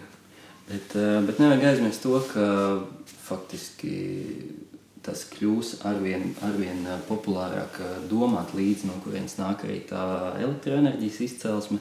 Un jau šobrīd Latvijā ir iespējams nopirkt zaļo elektroenerģiju, kas nozīmē to, ka tavs tirgotājs um, būs no, nodrošinājis to, ka vismaz tavu apjomu un citu zaļās elektrības klientu apjomu viņš būs nopircis. Mm -hmm. uh, no vēja parkiem, no hidro. Izcelsmes apliecinājumiem, kas ir tas juridiski korekts veids, kā pēc būtības nodrošina to, ka tā, tā elektrība nav no fosilējiem energoresursiem. Un starp citu, BMW ar savu i3 jau no paša sākuma teica, ka visu elektrību, kas nepieciešama priekš ražošanas, ražo vesi Nu, tad jau vispār rokas nostāja. nu, nu, tieši tā, jo, okay. jo šobrīd teiksim, lielie, lielie patērētāji, arī, arī um, automašīnu ražotāji, viņi, ja, ja mēs ja makiem kā patērētāji, pievērsīsim uzmanību tam, uh, cik liels ir, uh, cik lieli tā, tas nospiedums, uh, CO2 nospiedums uh, kaut ko uh, sarežojot un būsim gatavi maksāt vairāk par tām lietām, kas, uh, kas ir ilgspējīgas, tad, uh, tad arī ražotāji par to arvien vairāk domās. Uh, Un šobrīd, jā, Rietumē Eiropā lielās, lielie patērētāji, viņi atbalsta vēja parks eh, vai saules parks, un viņi slēdz ilgtermiņa līgumus, ka tieši no konkrētā vēja parka no, vai saules parka viņiem tiks piegādāta elektrība. Un tad tas jautājums par eh, fosilējiem eh, energoresursiem, lai sarežotu elektrību, tiek jā, jā, jā, jā, tad viņš tur kaut ko kompensējās arī droši vien. Bet, nu labi, tas ir tā par to ražošanu, bet par to ražošanu man interesē vēl tāds aspekts, ka nu kā, ar elektroautorātu es, piemēram, gribētu braukt, tāpēc, ka tas ir izdevīgi uzlādēt. Un, un kā es dzirdēju, eiro 50 līdz 2 eiro 100 km. Labdien, es arī piesakos. Bet, tad, kad es aizēju uz elektro, nu, pirkt elektroautorātu, izrādās, ka viņš ir divas reizes dārgāks. Kāpēc? Nu, tur taču nav nekā iekšā tajā elektroautorātā. Tāda man liekas, nē, nu, labi, varēja salikt tur, es nezinu, super mega stereo kaut kādus un, un, un tur apsildāmos beņķus. Un, es nezinu, vēl kaut kādas luksus stēles, kā, bet nevarētu būt kaut kāda super vienkārša elektroautorāta, kur, teiksim, nezinu, nu, kur čalis teiksim, var nopirkt un, un, un braukt, jo tas ir lētāk. Gan nopirkt lētāk, gan, gan braukt lētāk. Jo, ja elektroautomobīlī ir elektromotors, kuram nav daudz kustīgo sastāvdaļu, nav nekāda tur eļojamu, es nezinu, nu, tā kā, teiksim, eļojamu nu, pārtu, kas nezinu, kāda pagaidām. Nu, detaļas, kas nodils. Jā, jā, kaut kāds nu, nu, nodalījums, visas tās lietas, nekas tur nav. Tur, Nekāda baigā raķešanās, kāpēc viņi joprojām ir tik dārgi? Nu, nevarētu kaut kādus rītīgi lētus elektroautorātu ražot. Un, es nezinu, tas man liekas, iet, ietu baigi kalnā, jo taču ekonomiski tas rekur, es uz papīrīšu pierakstīju eiro 50 dāmas un kungi. 10, 10 eiro degvielas. Tas taču ir korķis ārā. Nu, tur, tur ir tādas uh, atšķirības, ka ražotāji, tie lielie ražotāji, viņi joprojām nav pārgājuši uz tādu reālu masu ražošanu. Līdz ar to tā cena vēl nav optimālā. Un, uh, vēl tas, ka nu, bateriju cenas, nu, lai arī turpina kristies, joprojām nu, ir augstas. Nu, tur arī elektromotors, lai arī turpinās kristies, joprojām ir augsts. Un otrs ir tas, ka viņi pievērš tās mašīnas ar visādām figņām, kuras tev nevajag. Tas man reāli liekas, nu, it kā ražot tāpēc, lai būtu lētāk, bet vēl kaut ko pieliekam klāt, lai kaut kā atpelnītos tas viss, man liekas. Jā, un vēl, vēl ir jārēķinās ar to, ka te, kad pieņemsim tas pats golfs tiek pārdots, viņš īstenībā tiek pārdots zem savas pašvērtības, mm. jo nu, kā tev ir jārēķinās. Ražošanas izmaksas, transportēšanas izmaksas, glabāšanas izmaksas, dīleru izmaksas, nu, viss tas nāk kopā. Un būtībā kaut kur pazūd 30%. Tai cenai bija pat trešdaļa jābūt augstākai. Bet kā viņi to cenu dabū atpakaļ, ir uz servisiem. O, jā, jā, jā. Un eļļā. Viņi teiksim, pasaka, ka tagad izmanto šo īpašo eļļu, jo tā ir vislabākā. Un viņi teiksim, paņem 30% no tās eļļas cenas. Es negribu skaļi teikt, ir bijuši gadījumi man pašam ar jaunu, ar jaunu automašīnu, un jā, ļoti līdzīgas eh, lietas tiek, tiek izmantotas. Nu, tur, sākot ar eļļām, beidzot ar nezinu, pašām mazākajām kaut kādām detaļām, kas, kas obligāti ir vajadzīgs, kuras obligāti ir nepieciešams pirkt. To paturpinot, nu, līdz ar to, te, kad parādījās elektroautorāta nu, desmitajā mm. gadā, Dīleri pat dažreiz tika instruēti, kā ielieciet viņu, bet paslēpiet, jo mēs nevaram nopelnīt uz viņu tik labi. Bet, nu, tomēr, labi, ok. Bet šogad baterijas vēl ir baterijas, bet baterijas arī krītās, eh, kā tās cenas ražošanai. Nu, es gribētu, man, man interesētu tāds elektroautomobīls. Es zinu, tur varētu nekas nebūt. Nu, galvenais, lai viņš iet uz priekšu un, un atpakaļ un kaut kāda primitīva apsilde. Jo mums šeit, kad Tu gribētu dacija? Starp citu, es skatījos, jā, tavā, tavā mājaslapā uzlādēts, vēl es domāju, jo es tie dasteri, es zinu, ka vienkārši nejēgā iet tie, nu, jā. crossovers, Eiropā. Un, un, un, nu, viņā tur gan nekā nav, bet nu, tieši, Tieši tā, viņš iet, iet kā dūls viņš. Un tādēļ es nezinu, ja es agrāk, ja es agrāk skatījos uz to daciju, tā, ka Leduskapis uz rītiņa. Nē, nē, ko tā es šis kaut kas tāds. Jo starp citu, es, jā, tā, kad es izvēlējos autiņus, tas bija viens, nu, varbūt. Bet, nu, kāpēc ne? Pastāst. Braucot, nu, tad taču nevajag tur, es nezinu, tur pilnīgi visu tur spektru un piebāzt viņu ar kaut kādu, nu, pilnīgi visām ekstrēmām, kādas ir iespējams. Ja tu Tur gribi navigācija ir kā var tā, nu viss, ko tev vajag no tās mašīnas, ir pateikt, cik tu tālu var nobraukt un kāds tavs pašreizējais ātrums. Nu. Es, es ar tādu pozicionējumu nesaskāros. Neviens tādu nebija nopozicionējies. Ja, kur elektroautorāta cenu izmaksa uz 100 km dramatiski zemāka, un tas ir racionāli. Un, un Tas tā, tā, tāda pozīcija. Nu, labi, ja tu skaties, bet, ja tu skaties ka divreiz, ja viņš ir divreiz dārgāks, tad tev vajag jārēķina, cik gados. viņš nebūtu divreiz dārgāks. Es saku, šobrīd tirgu es tādu Mhm. modeli, jaunu modeli neatradu. Mm -hmm. Nu, jā, es- Kāds būtu tā pozicionējies? Es ļoti rūpīgi skatos, tāpēc, Es tāpēc, neesmu mēģinājis bet nu, es tiešām tā, tā, tā. Bet cik tas uh, Dacia bija? Tas, tas bija Tas Dacia, kas būs vēl, uh, viņš būs vai nu šogad, vai nākamgad Eiropā, mm. es nezinu, kad Latvijā. Un uh, viņam cena atšķirībā no avota ir vai nu 11,000 vai nu 13,000 eiro.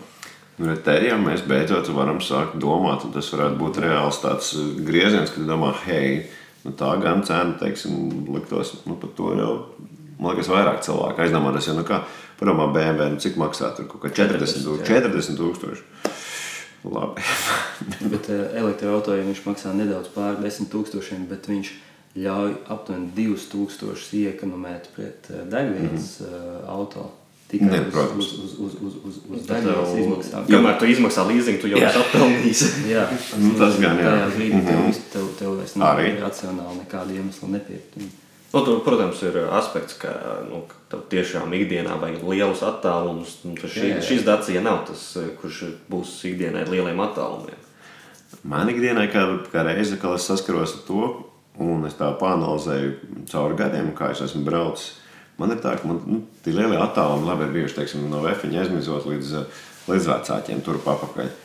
Uh, Tas jau nav liels gabals. Nu, bet tu- to, nu, jā, to jau es arī gribēju teikt, ka tās ir. Bet pārējais viss, vismaz man notiek vairāk vai mazāk, bet pa- par Rīgu. Un man nav jābrauc kaut kādi 200 km dienā. Pilnīgi noteikti. Man būtu tieši, tieši tāpēc. eh, Man tas ekstrēmais, milzīgais baterijas teiksim, tā, tā kapacitāte, kas mm -hmm. nosaka to cenu, arī kas tur ir tā milzīga, man viņa nu, ir vajadzīga varbūt vienreiz, vienreiz mēnesī vai vienreiz, nezinu, divos mēnešos, nu, ka es kaut kur tālāk braucu. Vai, es nezinu, nu, varbūt labi, ok, biežāk, nu, tur divreiz mēnesī, bet tas arī viss. Tā kā man Vēl jau ir viens ir tās Dacijas piedāvājums, ko es pateicu, bet arī Volkswagen beidzot pieķēries klāt šim jautājumam un ir atjaunojis e-apu. Mm -hmm. Ka, teiksim, apu vispār nevar Latvijā vairs nopirkt. Uh, bet e-aps nāk, un uz šo gadu uz Baltiju ir paredzēts 500 vienības, kuras izķēra jau decembrī.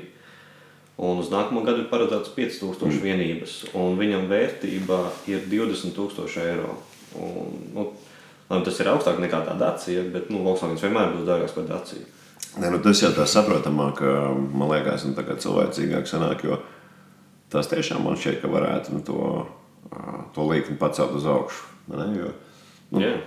Ātrāk saredz to galu. Cik tā- tavējs, man liekas, ir tik dārgs, taču ir, ne? Kā- kāds ir tas autiņš tavējs? Nu, bija, bija, jā, laikam, ar PVN bija ap 40 tūkstošiem eiro. Jā, protams, šīs summas mēs ko runājam par PVN ieskaitot. Mm -hmm. Tāds, tad, kad uzņēmums ņem, nu, tur jau vispār. Es noklikšķināšu. Ah, paldies, jā, kā iet uz priekšu. Nu jā, nē, nu tad jau skaties tuvākajā nākotnē. jo Tev jau, man liekas, jārēķina tie 40 tūkstoši, tad tad tik arī jānobrauc rupji sakot. Nobrauc. Nē, ne visas 400, lietas vienmēr racionāli- ne visas lietas vienmēr ir racionāli. Protams, cilvēks vispār nav racionāli būtnes galam, bet, bet ja ieslēdz Latvijas praktisko, tad domā, ka tev atpelnīsies tas, un ka tu tiešām varēsi braukt tā kā Kārlis Menziņš piebraucējis un uzlādējot pa freju. Nu, tas, jau, tas jau man ir vienkārši. Esmu vienā no retajām situācijām. Nē, nu, protams, es saprotu. Nu, labi. arī citiem. Bet, eh, Kāpēc, kāpēc lai nebūtu darba devējs, kas vēlas eh, atbalstīt ilgspējīgu domāšanu, un viņš darbiniekiem atļauj pa dienu lādēt? vai- Nu, protams, ā, ja, ja ir liels parkings, tad ļoti liela iespējamība, ka tur būs rozete. Kāpēc neatļaut to izmantot? Es gan neesmu redzējis, kā Ansis Bogustovs. Viņš braukā ar uh, Nu, pār pa ielu pārnest arī. Nu, tas, tas, tā, kas nu, tur jānodrošina un jāsaskaņo ar no, no otrā stāva mierīgi varētu. Jā, bet, uh, nu, labi, Bogustovs arī braukā ar Bet Viņam elektroautorātu. privāti māja, viņam tas cits jautājums. Ne, nu, milzīgs ir tās, man liekas, priekšrocības tiem, kam ir jābraukā pa vecīgu, tādās mazās vietās, bet ka, te, ka tu vari tas, tas stāvēt pavēlt. Tas Tu, gaļa. jau uzreiz vari tagad, es pastaigājos pa Google Maps, un vienreiz vecrīgais nevarēja atrast konkrētu vietu, es tikai pēc atmiņas tā kā redzēju Mhm. viņu. Viens elektroautorāts, otrs elektroautorāts, trešais elektroautorāts, un Google Maps es nevaru atcerēties, viņš pirms diviem gadiem bija Rī- Rīgā. Nu, tur, tur jau bija. Tad Tagad es, eh, es redzu, kur elektroautorāta čatā tur džeki jautā. "Ei, Es redzēju, ka jauns pievienojies mūsu rindiņā, tas viens no musējiem. Tāds, Nē, nē, tas vienkārši atbrauc tur. Jā, jo šausmīgākā nauda aiziet, ja tu, teiksim, ja tev visu dienu ir kaut kur jāpavada. Uh, Vecrīgi centrs, A klases stāvvietas, draugi mīļie, tur baigais. ar klases. Jā. Baigi daudz aiziet. Ne, Es nezinu, varam mēs teikt, podkāstā baigi varam. Gan jau. Banā var arī lamāties. Nu, tur vienīgais, nezinu, vienīgais, kas būtu limitators, būtu Delfi. Bet, nu. Okay. Nu, lūk, labi, kāda varētu būt tā nākotne? Okay, mēs tagad sapratām, ka viens elektroautorāts, kas būs nu, jau pieejamāks, būs nu, modīgais un tāds nu, Volkswagen 20,000 dacija būs nu, cerams, ka 12. Mm. Kāda vispār tā nākotne būs tuvākajos 5, 10 gados, vai jūs to esat funkcionējuši? Es domāju, lielā, lielais lēciens jau būs šogad, eh, kad Latvijā, Latvijā parādīsies tie vēl un vēl eh, mainstream ražotāju elektroautorātu par pieņemamām cenām. Ja? Kādas ir stāstījis par Peugeot? Un, Jā, arī Peugeot un Opels nāks. Un, uh, Renault beidzot ir Eiropas populārāko elektroautorātu piedāvā arī Latvijā. Aha. Jā, tad tie modeļi būs pieejami. Un tas viss ir krītās, līdz ar to arī tā cena kritīsies. vai ne? Un arī Tesla sāk paplašināt savu, ka viņi jau kā, atvēra Igaunijai tā kā, opciju kā, pasūtīt Igaunijā. Uh, un tad, jaut, lai tas laika jautājums, kad būs Latvijā un Lietuvā. Nu, bet Teslā viņi katru gadu sola, ka nu pat būs lēts ģimenes auto, ar ko jūs varēsiet braukt uz lielveikalu un atpakaļ. Bet viņi jau skatās lētu ģimenes uh, luksus auto. Nu, jā, jā, tas lēts, kas ir droši vien tas atkarībā, kurā vietā mēs dzīvojam, tomēr uz planētas, un kas skatās lēti, bet nu vienalga, es nezinu, pagaidām Tesla, nu, ir to elektroautomobīļu karalis, cik es saprotu, tur arī ir. Un arī Latvijas apstākļi ir ļoti populārs elektroautorāts. Te, katra desmitā elektriskā mašīna ir Tesla. Man patīk tā pieeja Elonam, ka tev arī gaiss tiek filtrēts un pareizais gaisa sastāvs. tiek- HEPA filtri. Jā, tie kaut kāds tas uh, biohazard, tas Jā, uh, režīms, toksīnu ka iznīdētājs. tu vari braukt cauri ugunsgrēkam. Nu, vai teiksim, es nezinu, ielai, kas varbūt tajā brīdī piesārņot. Tas ir viens aspekts, kas Austrālijā tagad beigas ugunsgrēki ir, uh, un tur ierzēs dzinējs vienkārši nestrādā. Viņam pietrūkst skābeklis. Elektroautorāta nevajag skābekli. Nu, mm, jā. tāds ļoti daudz izmanto savus Teslas, lai nu, glābšanas misijās dotos. Cerams, ka nebūs, nebūs aktuāli. Nu, Mūsu, es arī ceru, mums drīzāk ir plūdu jautājums, teiksim, kā Latvijā bija pagājušajā ne, es pagājušajā gadā. Tas, tas ir lielāks. Jā, starp citu, elektrotraktors vajadzīgs. elektrotraktors. Bet viņi nāk uzreiz bez kabīnes, līdz ar to nu, daudz pretotos. Nu, Bet tagad, nu labi, jā, starp citu, tas ir vēl viens tāds jautājums, ka, ko es zinu, ka tā- tāds stereotips pastāv. ka Arī, arī kā tas elektroautorāts uzvedās, ka nu, pie nu, rītīgas, tagad ir nu, gāžas rītīgi lietas, tur viss ir tā noizolēts, ka nu, nevar būt nekādas problēmas ar šito līniju. Pirmkārt, tā ir elektrība neuzvedies. Tāds nedari tādu Jā. mēli un pirkstiem un ko tur. Bet eh, otrām kārtām tur notiek ļoti aktīva komunikācija pirms uzlādes uzsākšanas. Līdz ar to, ja mašīnai ir kaut mazākās aizdomas, ka kaut kas nav kārtībā, tiek atslēgts Aha. vai arī stācijas pusē. Nu, protams, ja tev ir kaut kāds vecais uh, Uber stulbais lādētājs, kurš būtībā ir gandrīz vai pat taisno rozete un mašīna, mm. nu, tur varētu būt problēmas, bet mašīnai vajadzētu to konstatēt. Jā, jā ok, jo pie mums diezgan daudz dienas gadā ir lietainas. un Ir pat jā, tautas dziesmas, kad līst pa kā pa jāņem. un Tā pie mums mēdz būt nogriežņi diezgan spēcīgi un ilgstoši. Tāpēc es vienkārši jautāju, tas neietekmē nekā arī elektroautorāta lietošanu. Es uh, Varbūt stulbs šādu jautājums. jautājumu jau sāku biedēt. Uh, es- Nē, nu, beidz. Nu, Nē, tas ir viens arī no Kāpēc biedē? Lietus laikā, laikā nedrīkst braukt, vai zibens, kad spēr, tad arī nedrīkst braukt. Tie ir daudz mīļi. Nē, nē, es apzinos, vīri, ka šis tas skan varbūt nu, tā nu, šmaragda magdas kā pūra, bet nu vienalga, nu, tas Nē, ir tas tas. skan no tā pūra, ka kā ilgi, ilgi, ilgi esmu dažādus risinājumus klientiem izstrādājis un piedāvājis. Tad, tad to, par, kā, par kādām lietām klienti mēdz aizdomāties. Ja teiksim, arī, arī domājot par saules paneļiem, tad, tad klienti mēdz prasīt, cik lielam krustas graudam ir jātrāpa, lai sadauzītu viņu. Un, un, Jā, cik vajag, tā ir. es tiešām nezinu. Bet, bet reklāmas eh, rullīšos redzēs, kā ar āmuru šķaidu to nevar sadauzīt. Tā kā, nu, es tāpat attiektos par to jautājumu, vai lietas laikā ir bīstami lādēt, bet es godīgi sakot nezinu. Un tur jau arī tu vari pastīties uz to pašu uzlādes, to nu, štekeri dakšiņu. Nu, tur uh, pastīties, cik tālu ir viens no otra pirmām kārtām. Un, uh, ir arī svarīgi pastīties, vai tas, ko tu spraudi iekšā, vai tas ir vispār tīrs. Jo ir dzirdēts, ka kaut kur kaut kas ir paņēmis to ātrās uzlādes to puļķi mm -hmm. un vienkārši melnzemi piebāzis. Nu, jā. Nu, tā kā- Tie tie heiteri, ja par kuriem teici. Es nezinu, kāda gan motivācija varētu būt to darīt, jo tikpat labi es varētu to pašu izdarīt uh, be- benzīna tankā, mm. tur korķus sasprāst, iekšā. Nu, Jā, kā nu, ziņas rāda, kā Kārlis Menziņš demolē benzīnu tanku. Kā, nu, Elektroauto protests. jā, jā, arī tiks protests. Tas būtu smalki, jā. Nu jā.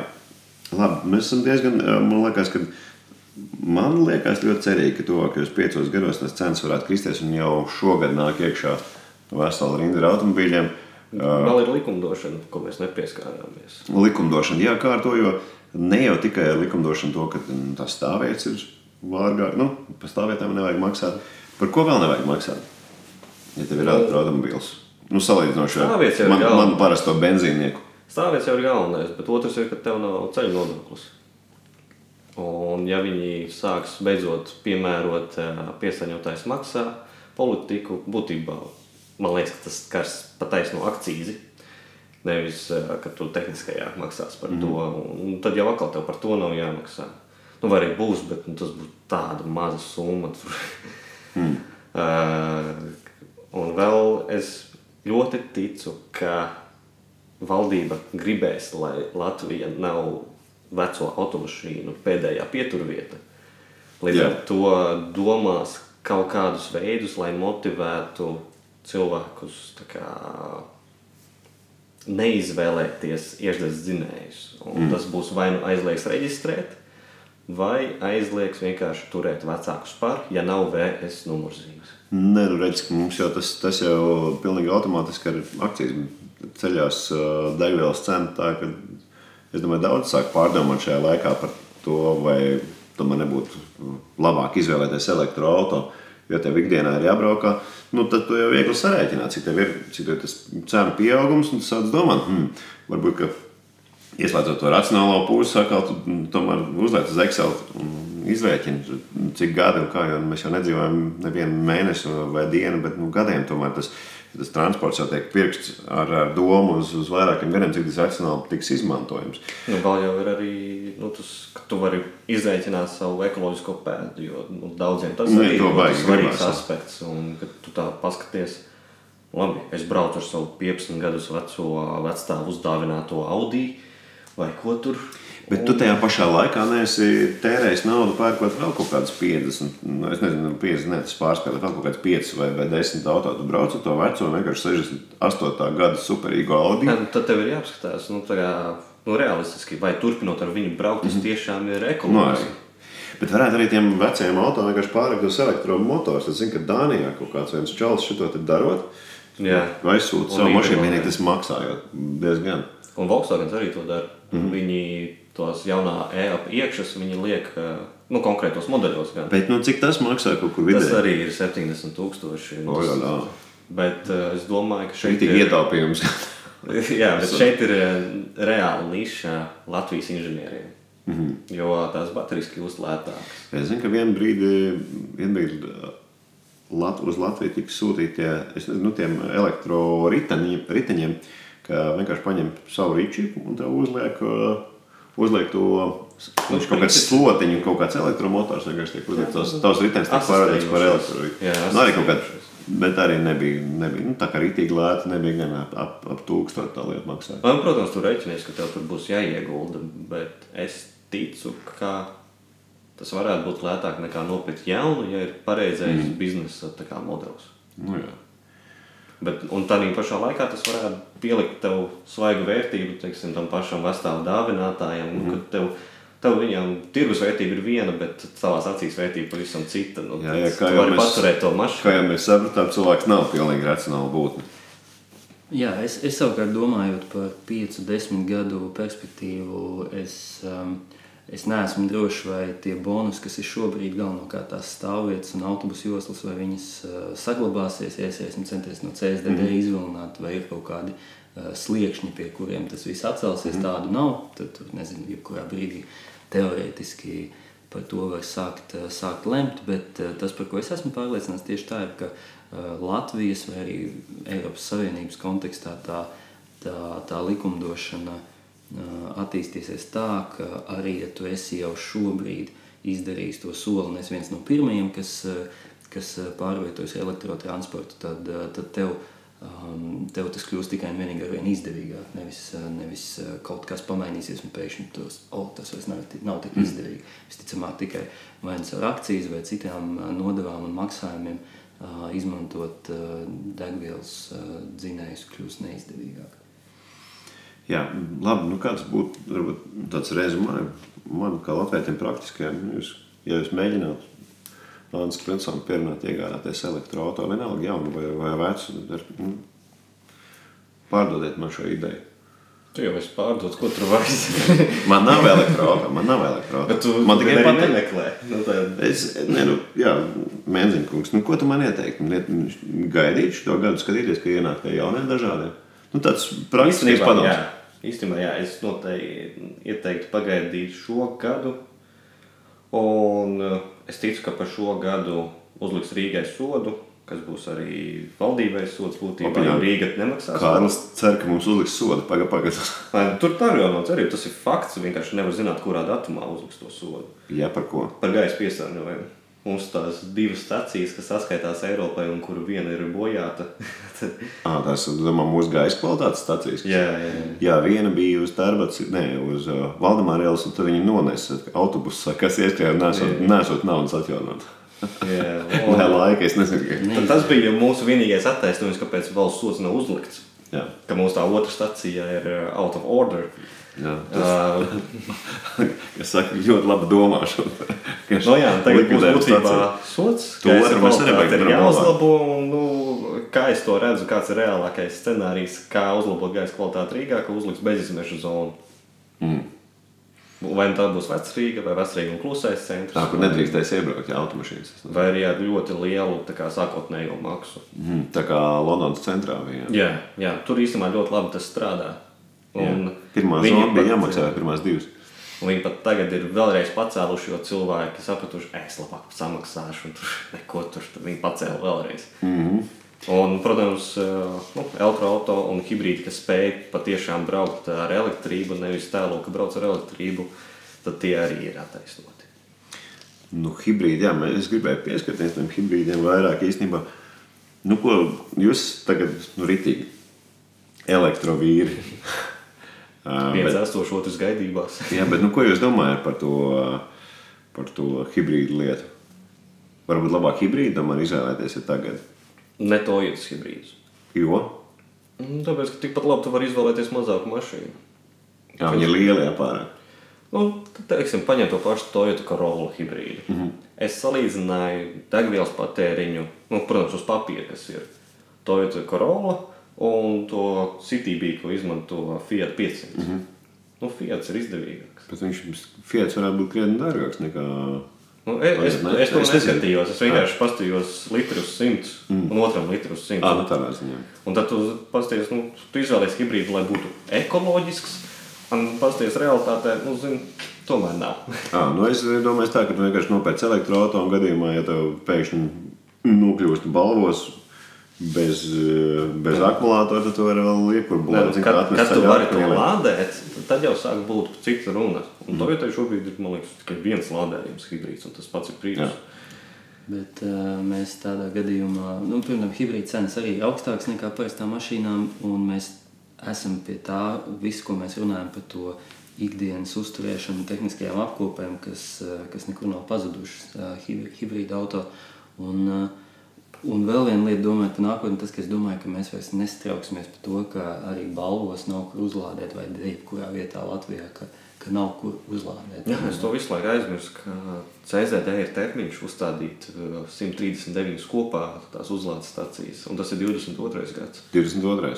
Jā. Jā, tad, tad jā, re, kur, re, kur mēs arī nonākam pie tā, ka šito gadu mums jāpagaida, ka mums savedīs tos, tos dažādos modeļus un nokritīsies cena. Tad ā, 22. gadā, kungi, es domāju, ka es pievienošos jūsu saimē.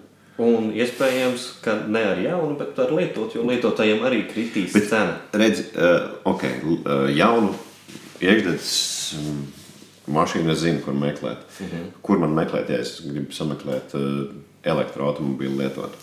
Šobrīd tas ir ļoti izkaisīti. Tāds, uh, viena, viena vieta ir, protams, tipiskais sludinājuma portāls, tas ir SS.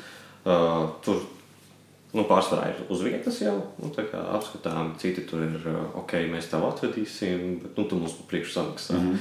uh, un tad ir vēl uh, Lietuvas, to laikam arī visi zina, autoplīvus. Tur ir mm. ļoti daudz, bet tur ir jāskatās, ka tie nav nu, Frankensteina brīnumi. Jo Lietuva arī šeit ir jau izplatusies, ka viņi paņem divus, saliek trīs. Un tad ir Norvēģija, kur īstenībā ir ļoti pievilcīgas cenas, bet vienīgais āķis ir, ka tev ir jāmaksā muita. Aha, Jo Norvēģija neskaitās Eiropas, Eiropas Savienībā. Viņi tikai nu, tādā ekonomiskajā jā. zonā. Bet nu, arī tas otrreizējais tirgus, viņš jau arī milzīgiem tempiem pa, paplašinās. Ja tie modeļi, cik nu, cik nu viņi veci ir un uh, cik nesen viņi sākuši, sākuši būt pieejami. Un otrs ir tas, elektroautori arī, arī pārējā Eiropā, viņi, uh, viņu pieaugums ir ļoti strauji. Tas nozīmē, ka tagad mēs teiksim, pēc gada vai diviem, kad jau šobrīd nopirktās auto tiks pārdotas otrreizējā tirgus, tas tirgus būs daudz lielāks nekā viņš ir šobrīd. Nu, Tas ir skaisti, bet nu, teiksim, vēl, vēl viena lieta, kas man atturētu, ir tas, ka nu, kāds ir tas elektroautobīļa garums. Uh, mūža garums. Metrs 80, Jā, jā. 250. Nē, nē, nu, tu saproti, es domāju, Jā, jā, tā, tā, garums. tā ir ilgmūžība. Cik, nu, cik, vai, vai es, teiksim, ja es nopērku lietot auto, vai es jebkādu mūžā, vēl savā mūžā viņu varēšu pārdot. Varbūt viņam, teiksim, tas, tā bača beidzās pēc astoņiem gadiem un viss. Nu, BMW pēc tam es ar viņu vienkārši, nu, es nezinu. Nu, svaigākās ziņas šajā jautājumā no paša BMW. Viņi pacēla garantijas. Jo viņi sākotnēji, kad izreikināja, viņi domāja, nu, labi, 5 gadu garantija. Mm -hmm. Nu, tas ir daudz jāpriekš Eiropas Savienībā. Viņi pacēla 8 gadu. Opiņā. Tu- Nu, tas vienkārši parāda, kāda pārliecība ir ražojot baterijas. Nu, bet nu, kā tu domā, nu, cik, cik ilgi tāds elektroautorāts nu, viņš vēl? Statistika rāda, jo lielāka baterija, jo ilgāk arī kalpo. Nu, tas nozīmē, ka nu, mazāk slodzi ir tur. Nu, baterija pat dārgākā sastāvdaļa tajā Tā visā. varētu teikt. Jā. Bet Bet arī- un tad uh, otrs ir, ka nu, man ir astoņi gadi manam elektroautorātam, un viņam baterija kā jauna. Nu, tur uh, citam varbūt nav kā jauna. Mm -hmm. Cits jau ir paspējis uz garantiju aizskriet. Bet uh, vidējais uh, statistiskais ir tāds, ka pēc pirmajiem pieciem gadiem tev ir aptuveni 90% iekšā, pēc pirmajiem desmit gadiem tev ir aptuveni 85% iekšā. Un tā. Jā, un, ja tas- to visu uzvelk taisnē, tad tev problēmas sāk parādīties, nu, problēmas skaitās, kad ir zem 70%, mm -hmm. nu, tas ir nu, 30, 50 gadi kaut kur tādā joslā. Opiņā. Nē, tas, šis te lauž vispār man, man uzskatu galīgi, jo es, es nebiju iedomājies, ka tas tik ilgmūžīgs vispār pasākums. Man jau likās, ka nu, kaut kāda ar desmit- telefoniem. Nē, nu, telefonā. Telefonam nu, maksimums, man liekas, kā jūs domājat, Džek, man liekas, ka divi gadi, ne? Un tad ir, nu, Tas tā optimāli. tas, ir, nu, tas jau ir labs telefons, tad ir itīgi labi aizvilcis. Uh, nu, iekšzemes dzinējiem, nu, mašīna desmit gadi jau, baigi jau jāsāk domāt, teiksim, vai, vai pirkt vai nepirkt tādu, vai ne? Nu, tur, protams, arī pret noskrējienu. Nu, jā, jā. Tas pats ir arī. Nu, Ah, un šeit mēs jau arī to pašu varam izrēķināt un aiz, aiz, aiziet, uzgriezt telefonu numuru un piezvanīt Kārlim Metriem un noskaidrot, kur mēs varam pārbaudīt to septiņus gadus veco mašīnu. Nu, tieši tāds pārbaudi, pasties, cik procenti. Jā, nu, diezgan op op optimistiski vispār. Tas labi. Jā. Jā. Nu, to jau tā lieta, un pie tām, ja vispār tā skatās, tad tām baterijām pēc mašīnas mūža viņām jau ir vēl otrais un trešais mūžs. Nu, Ko ar viņām vēl var darīt? Nu, tā ir milzīga enerģijas ietilpība tur iekšā, pat ja tur ir tikai 70%. Jā. Tāds, teiksim, Audi e-trons ar saviem teju 100 kWh, un tur 70% iekšā tas ir 70 kWh, un tas tavai mājasēmniecībai ir trešdaļa mēneša. Jā, es, pie, es piekrītu. Es, Tu uh, bači tur mājās un tad vienkārši slēdz pie tīkla. Nu, vai mājās, vai tīklā pašā jau iekšā. Nu, tur Jā, nu tie var būt arī uzņēmumi, kas uzpērk uh, lietotas baterijas, kurām nav citu pielietojumu. un Tev ir jauda, ar ko tu vari tirgu spēlēties un, uh, un pirkt un pārdot lētās Ah, jā, bet- stundas. Es tādu Gaidīsim arī, kad tas, kad tas kļūs populāri beidzot. Tad, Tas Nu, sāk, nu, dalīties. Sāk, es, uh, um, Latvijā šobrīd ir tikai daži, trīs laikam, uh, trīs. Uzspēlēji, vai viss labi? Uh, Latvijā ir trīs uh, elektroautobusi, ja es nemaldos. Tagad jau vairāk. Nu, jau vairāk, ja. Bet uh, Reizeknē bija pirmie, un, uh, un Polijā, Polijā jau ir daudz uh, pašvaldības, kas ir pārgājušas pilnībā uz elektroautobusiem. un Tad, uh, nevis darbā par Ķīnu. Jā, un, bet es esmu saticis Polijā uzņēmējus, kas, eh, kas plāno. eh, Tad nu, tiem elektroautobusiem tās baterijas jā, jā, jāmaina biežāk, tad savukārt jā, tās baterijas, kas ir uh, nolietotas, tad viņi saliek uh, lielā čupā. un Tā ir tā kā, nu, līdzīgi kā elektrostacija. Jā, tur viņi teiksim, uzkrāj. ā, Ja, ja tur vajag kaut kā jāatbalstīt, lai frekvences noturētu tirgu, augstsprieguma tīklam, ā, palīdzēt uzturēt sistēmu, tad tā baterija ir super mm -hmm. risinājums, kas momentāni var palīdzēt, ja teiksim, kaut, kāds, kaut kāds ražošanas vienība ā, iziet no ierīces, jā, tu nezini, Jā, jā, lūdzu. teici, energobloks. Nu, es jau vairāk domāju par, par, par sevi, ko es darīšu ar baču. Nu, tu, Tu tu, ir tu arī mājās uzņēmumiem. vari. Ah, es, Jā, nu, nu, pareizi, man taču ir, man taču ir blats uzlādēts vēl, gan jau.